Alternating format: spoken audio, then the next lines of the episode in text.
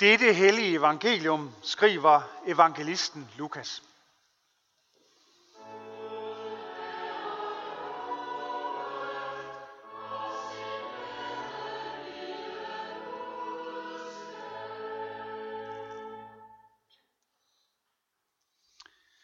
En gang var Jesus ved at uddrive en dæmon, som var stum. Da dæmonen var faret ud, begyndte den stumme at tale, og folkeskarne undrede sig. Men nogle af dem sagde, det er ved dæmonernes fyrste Beelzebul, at han uddriver dæmonerne. Andre ville sætte ham på prøven, prøve og kræve tegn af himlen fra ham.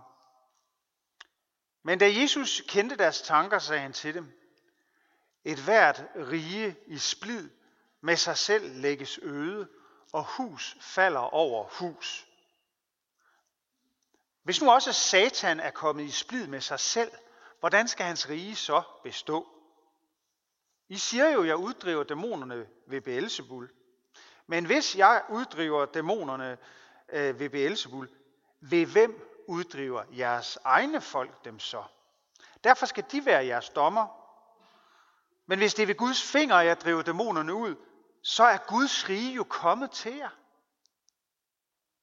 Når en stærk mand fuldt bevæbnet vogter sin gård, kan hans ejendele være i fred.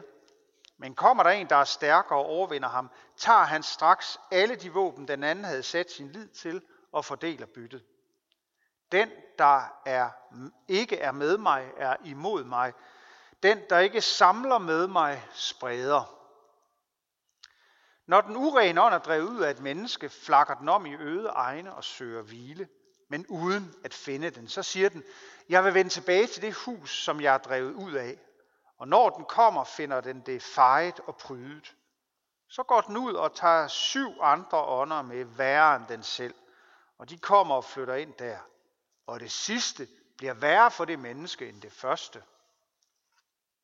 Mens han sagde det, var der en kvinde i skaren, der råbte, Saligt det moderliv, som bar dig, og de bryster du digede. Men han svarede, Ja vidst, salige er de, som hører Guds ord og bevarer det. Amen.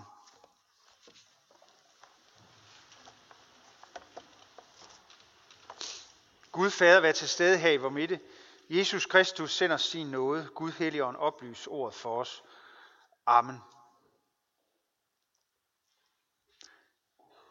Jeg tænker, det er svært at forestille sig en konfrontation trukket meget skarpere op, end den vi hører i dag hos øh, Lukas, i Lukas evangeliet, mellem Jesus og hans modstandere i folkeskaren. Jesus driver en dæmon ud, hører vi. Et menneske, som har været besat, som har været ude af sig selv, som har været overtaget ufrit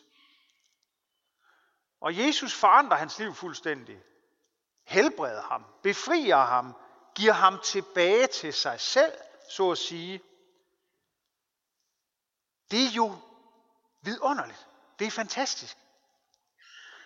Men kan man så altså høre nogle i folkeskaren sige, var det nu overhovedet det, der skete? Må ikke også vi i 2023 hurtigt ville komme ind på en diskussion, når vi skulle forholde os til sådan en tekst her, så ville vi ret hurtigt begynde at diskutere med hinanden, om der overhovedet var en dæmon. Eller om det ikke snarere var en lidelse, en øh, psykose eller en eller anden form for psykisk lidelse. Men den diskussion er helt åbenlyst ikke Jesu modstandere, som sandsynligvis er fejserer, deres anlæggende.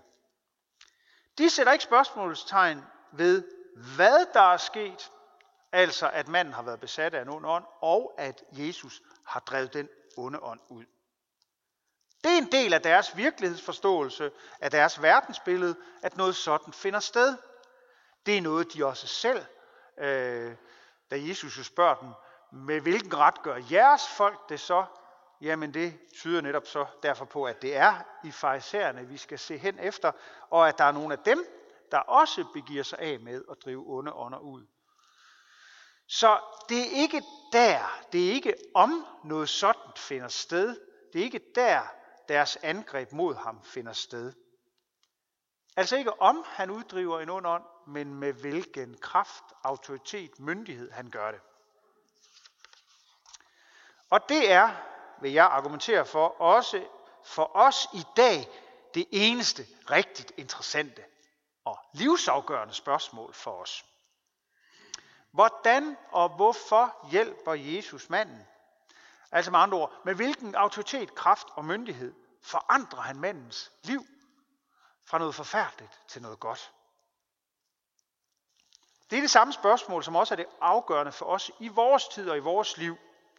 For selvom vi måske godt kunne synes, det var interessant og spændende at få klargjort, øh, om der nu var tale om en dæmonbesættelse, eller om det var en form for psykisk lidelse osv., så er det jo ikke det væsentlige.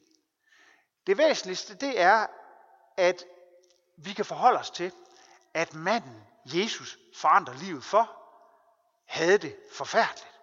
Han lider, han er plaget, han er ufri, og Jesus gør ham godt, gør ham rask, sætter ham fri. Så jeg synes, vi skal lade diagnostiseringen ligge, og så i stedet for fokusere på Jesu indgreb, hans handling, hans uddrivelse, og spørge helt enkelt, er det godt? Det Jesus gør. Og her er det jo så Jesu modstandere, og det er farisæernes holdning, den stikker fuldstændig af. For hvad er deres svar på det spørgsmål? Det er, at Jesus, de ser, at Jesus har gjort noget godt, men de fortolker det som noget ondt. Han har uddrevet en dæmon, og det har han gjort ved dæmonfyrsten Beelzebuls hjælp, siger de. Han har bekæmpet Satan med Satans magt, siger de. Det Jesus har gjort er altså, ifølge dem, kun til syneladende godt. I virkeligheden er det ren ondskab. Og det får jo en til at stille det spørgsmål, hvordan kan virkeligheden anskues så forskelligt, så fuldstændig konfrontatorisk, modsætnings, fuldstændig anderledes, modsat. Sådan at det gode bliver ondt, og alting vendes på hovedet. Det er værd at lægge mærke til, at Jesus i hans argumenter over for de her mennesker faktisk anvender logik til at få klarhed over ting. For det, vi står overfor, er i virkeligheden ikke spor indviklet. Det er fuldstændig lige til. Det er logisk. Jesus gør noget godt. Det er godt. Punktum. Et hvert rige i splid med sig selv lægges øde, siger Jesus. Hvis Satan er kommet i splid med sig selv, hvordan kan hans rige så bestå? Og hvis jeg driver dæmonerne ud ved Beelzebul, har I så tænkt over, ved hvem jeres egne folk så driver dem ud? Jesus udfordrer dem. Hvis øh, jeg gør noget godt ved hjælp af noget ondt, er det onde så ikke i kamp med sig selv? Og hvis det onde er i kamp med sig selv, kan det så overhovedet overleve? Destruerer det så ikke sig selv? Prøv lige at høre, hvad I selv siger. Det er nærmest det, Jesus siger til dem. Og desuden skal I spørge jer selv, når I anklager mig for det, hvordan kan I så sige, at det er godt, hvis en af jeres egne folk driver en dæmon ud? Jesus forsøger at tvinge de her modstandere, de her farisæer, til at se nøgternt, lige fremt, enkelt, naivt, logisk på det, de har set og hørt. Han spørger dem, hvis nu det er ved Guds finger, at jeg uddriver dæmonerne, jamen er Guds rige så ikke kommet til jer? Det er som om Jesus siger til dem, tro dog jeres egne ører, Tro på jeres egne øjne. Mærk efter i jeres hjerter. Er det godt det her? Tro og se og føl og mærk Guds magt lige for snuden af jer. Man kan godt stille spørgsmålet også, hvorfor det mon er, at de er så forhippede, forbenede i deres modstand mod Jesus. Hvorfor er de så overbevist om, at de bliver nødt til at kalde det, der umiddelbart ser godt ud, hvorfor bliver de nødt til at kalde det for ondt? Hvorfor kan de ikke se lige frem og fordomsfrit på det, Jesus gør? Måske fordi, at hvis de ture tro deres egne øjne, deres egne ører og lytte til deres egne hjerter, så ville de blive nødt til at vedgå, at Jesus er fra Gud, og at han har noget, han skal lære dem. Og som følge af det ville de blive nødt til at revidere hele selvopfattelsen. Hvem er vi? Deres magtposition som nogen, der havde form for monopol på at udlægge teksten for andre. Det ville jo ødelægge alting for dem. Sådan kunne de tænke. Derfor kan de ikke, de vil ikke, de tør ikke og kan slet ikke overskue konsekvenserne af at åbne deres øjne og deres ører og deres hjerter for det, der sker lige foran dem. Så hellere kalde sandheden for løgn og det gode for ondt. Sådan en måde at reagere på, når man står over for sandhed, når man står over for kærlighed, over for det gode, hvor man afviser, eller for det retfærdige, men hvor man afviser det og kalder det løgn og had og ondskab, det kender vi i høj grad også fra vores tid. Det bruges jo hele tiden i krig og konflikter. Her bruges denne farisæer metode ganske flittigt. Sandheden vrides grotesk. Det onde, man selv gør, kaldes godt, og så beskylder man andre for at gøre det, man selv er ansvarlig for. Det er farligt, for det åbner porten for noget, der er langt værre, som Jesus jo går videre og fortæller om, at når man har drevet en dæmon ud, ja, så hvis ikke man erstatter det med sandheden og troen på Gud, ja, så kan det blive syv gange værre det næste, der sker. Men samtidig med, at det er farligt, så er det jo også lattervækkende. Det er latterligt på den måde, helt åbenlyst at modsige sandheden, der sker lige for snuden af en. Det var ikke helt tilfældigt, at der var et klip, der gik viralt her for en cirka en uges tid siden, fra en konference G20-mødet i Indien, hvor den russiske udenrigsminister taler om, at invasionen af Ukraine var for at skabe fred, og at krigen i øvrigt var indledt mod Rusland og ikke af dem. Og da han sagde det, så skete der det helt spontant. Så brød det meste af forsamlingen ud i latter. Det kunne de simpelthen ikke lade være med. Ligesom folk ikke kunne lade være med at le af ham, man gav navnet komiske Ali under den første Irak-krig. Når man mødes så åbenlyst af noget, der er forkert, ja, så vækker det latter. Men samtidig er det altså også farligt, denne åbenlyse fordrejelse af sandheden. Og det var det også for Jesus. For den de mennesker, der her beskylder Jesus for at være ond, når han var god, for at være i satans tjeneste, når, det var Gud, når han selv var Guds kærlighed på jord. Ja, det var de mennesker, der til sidst fik ram på ham, da han blev dømt og korsfæstet langfredag som urostifter og Guds bespotter. Kærligheden er stærkere end had. Sandhed er stærkere end løgn. Barmhjertighed er stærkere end ondskab. Gud er stærkere end djævlen, det onde, den onde. Livet er stærkere end døden. Det var det, der stod tindrende klart, enkelt og lige til, lige for næsen og for øjnene og hjerterne for den sags skyld, for menneskene den dag Jesus forandrede en mands liv ved at uddrive den dæmon, der havde plaget hans liv. Han befriede den mand, der var blevet holdt fange. Og når Jesus gjorde den slags ting, så var det jo for at hjælpe manden. Men også for at andre kunne se og føle og mærke, hvad er det Guds ord? Hvad er det Gud gør ved os? Hvordan er det, hans kærlighed vil forandre vores liv til det bedre?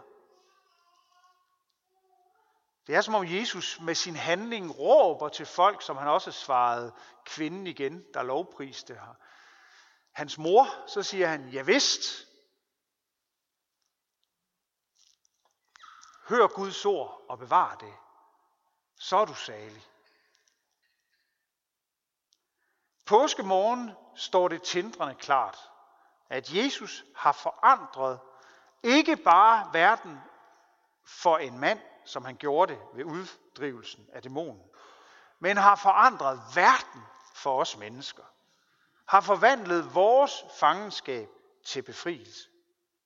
Ved sin død og opstandelse, der viste Jesus Kristus, at han er Guds kærlighed selv, og vil forny og forandre vores liv. Særlig er de, som hører Guds ord og bevarer det. Det er, op, det er, om, det er livet om at gøre for os, at holde os til ham, der er kærlighed. Ham, der selv er vejen, sandheden og livet, og som er Gud. Og som elsker dig og er med dig gennem hele det liv, der både kan være vanskeligt og svært at forholde på og svært at forstå, og kan være fantastisk skønt og dejligt. Han er med dig gennem det hele. Hold dig til ham og bevar ordet i dit hjerte. Ja, bevar ordet her hos os i vores kirke. For han er god. Amen. Lov og tak og evig ære være dig, hvor Gud, Fader, Søn og Helligånd. Du som var, er og bliver en sand træenig Gud, højlovet for første begyndelse, nu og i al evighed. Amen. Hellige Gud og himmelske Far, vi lover at tilbede dig, som i godhed har skænket os livet og alle det skaber.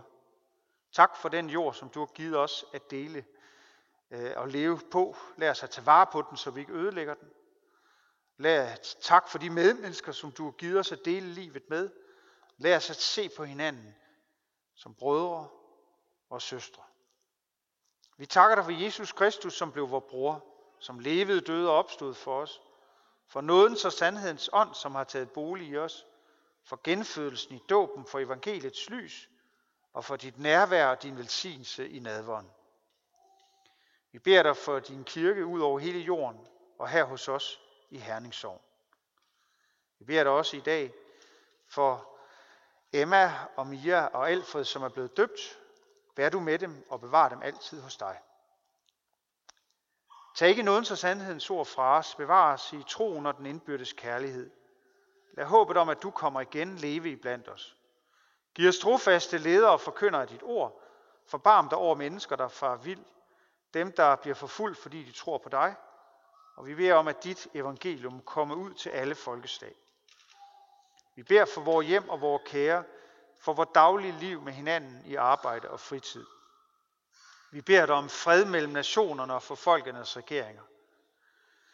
Vi beder dig for Ukraine, at der må blive skabt fred, retfærdighed og forsoning der. Vi beder dig også om fred, retfærdighed og forsoning mellem israeler og palæstinenser, i Syrien, Afghanistan og hvor som helst på vores klode, at mennesker lever vendt mod hinanden. Vi beder dig også for Danmark. Bevar os som et folk blandt folkene. Vi beder dig også for mennesker, som lever i områder, hvor der er sult, som for eksempel i, i denne tid på Afrikas horn i Etiopien og i Kenya. Vi beder dig også for de mennesker, som lever under konsekvenserne af naturkatastrofe jordskælvet i Syrien og Tyrkiet. Vær med dem. Og send folk til at hjælpe. Vi beder dig for dronning Margrethe og hele det kongelige hus, for regering, folketing, domstol, regionsråd og kommunalbestyrelse. Giv dem troskab og visdom til at forvalte deres magt og viden til værn for de svage og til gavn for alle. Vær nær hos fattige og forpint og bedrøvet, fængslede, landflygtige, de forladte og ensomme, dem der mangler det nødvendigste til livets ophold, de syge, dem der skal dø og dem der har mistet. Forbarm dig over os, giv os ikke løn som forskyldt, men fri os fra det onde, og lad os på den yderste dag få lov at opstå med Kristus og evigt takke dig ved din elskede søn, Jesus Kristus. Amen.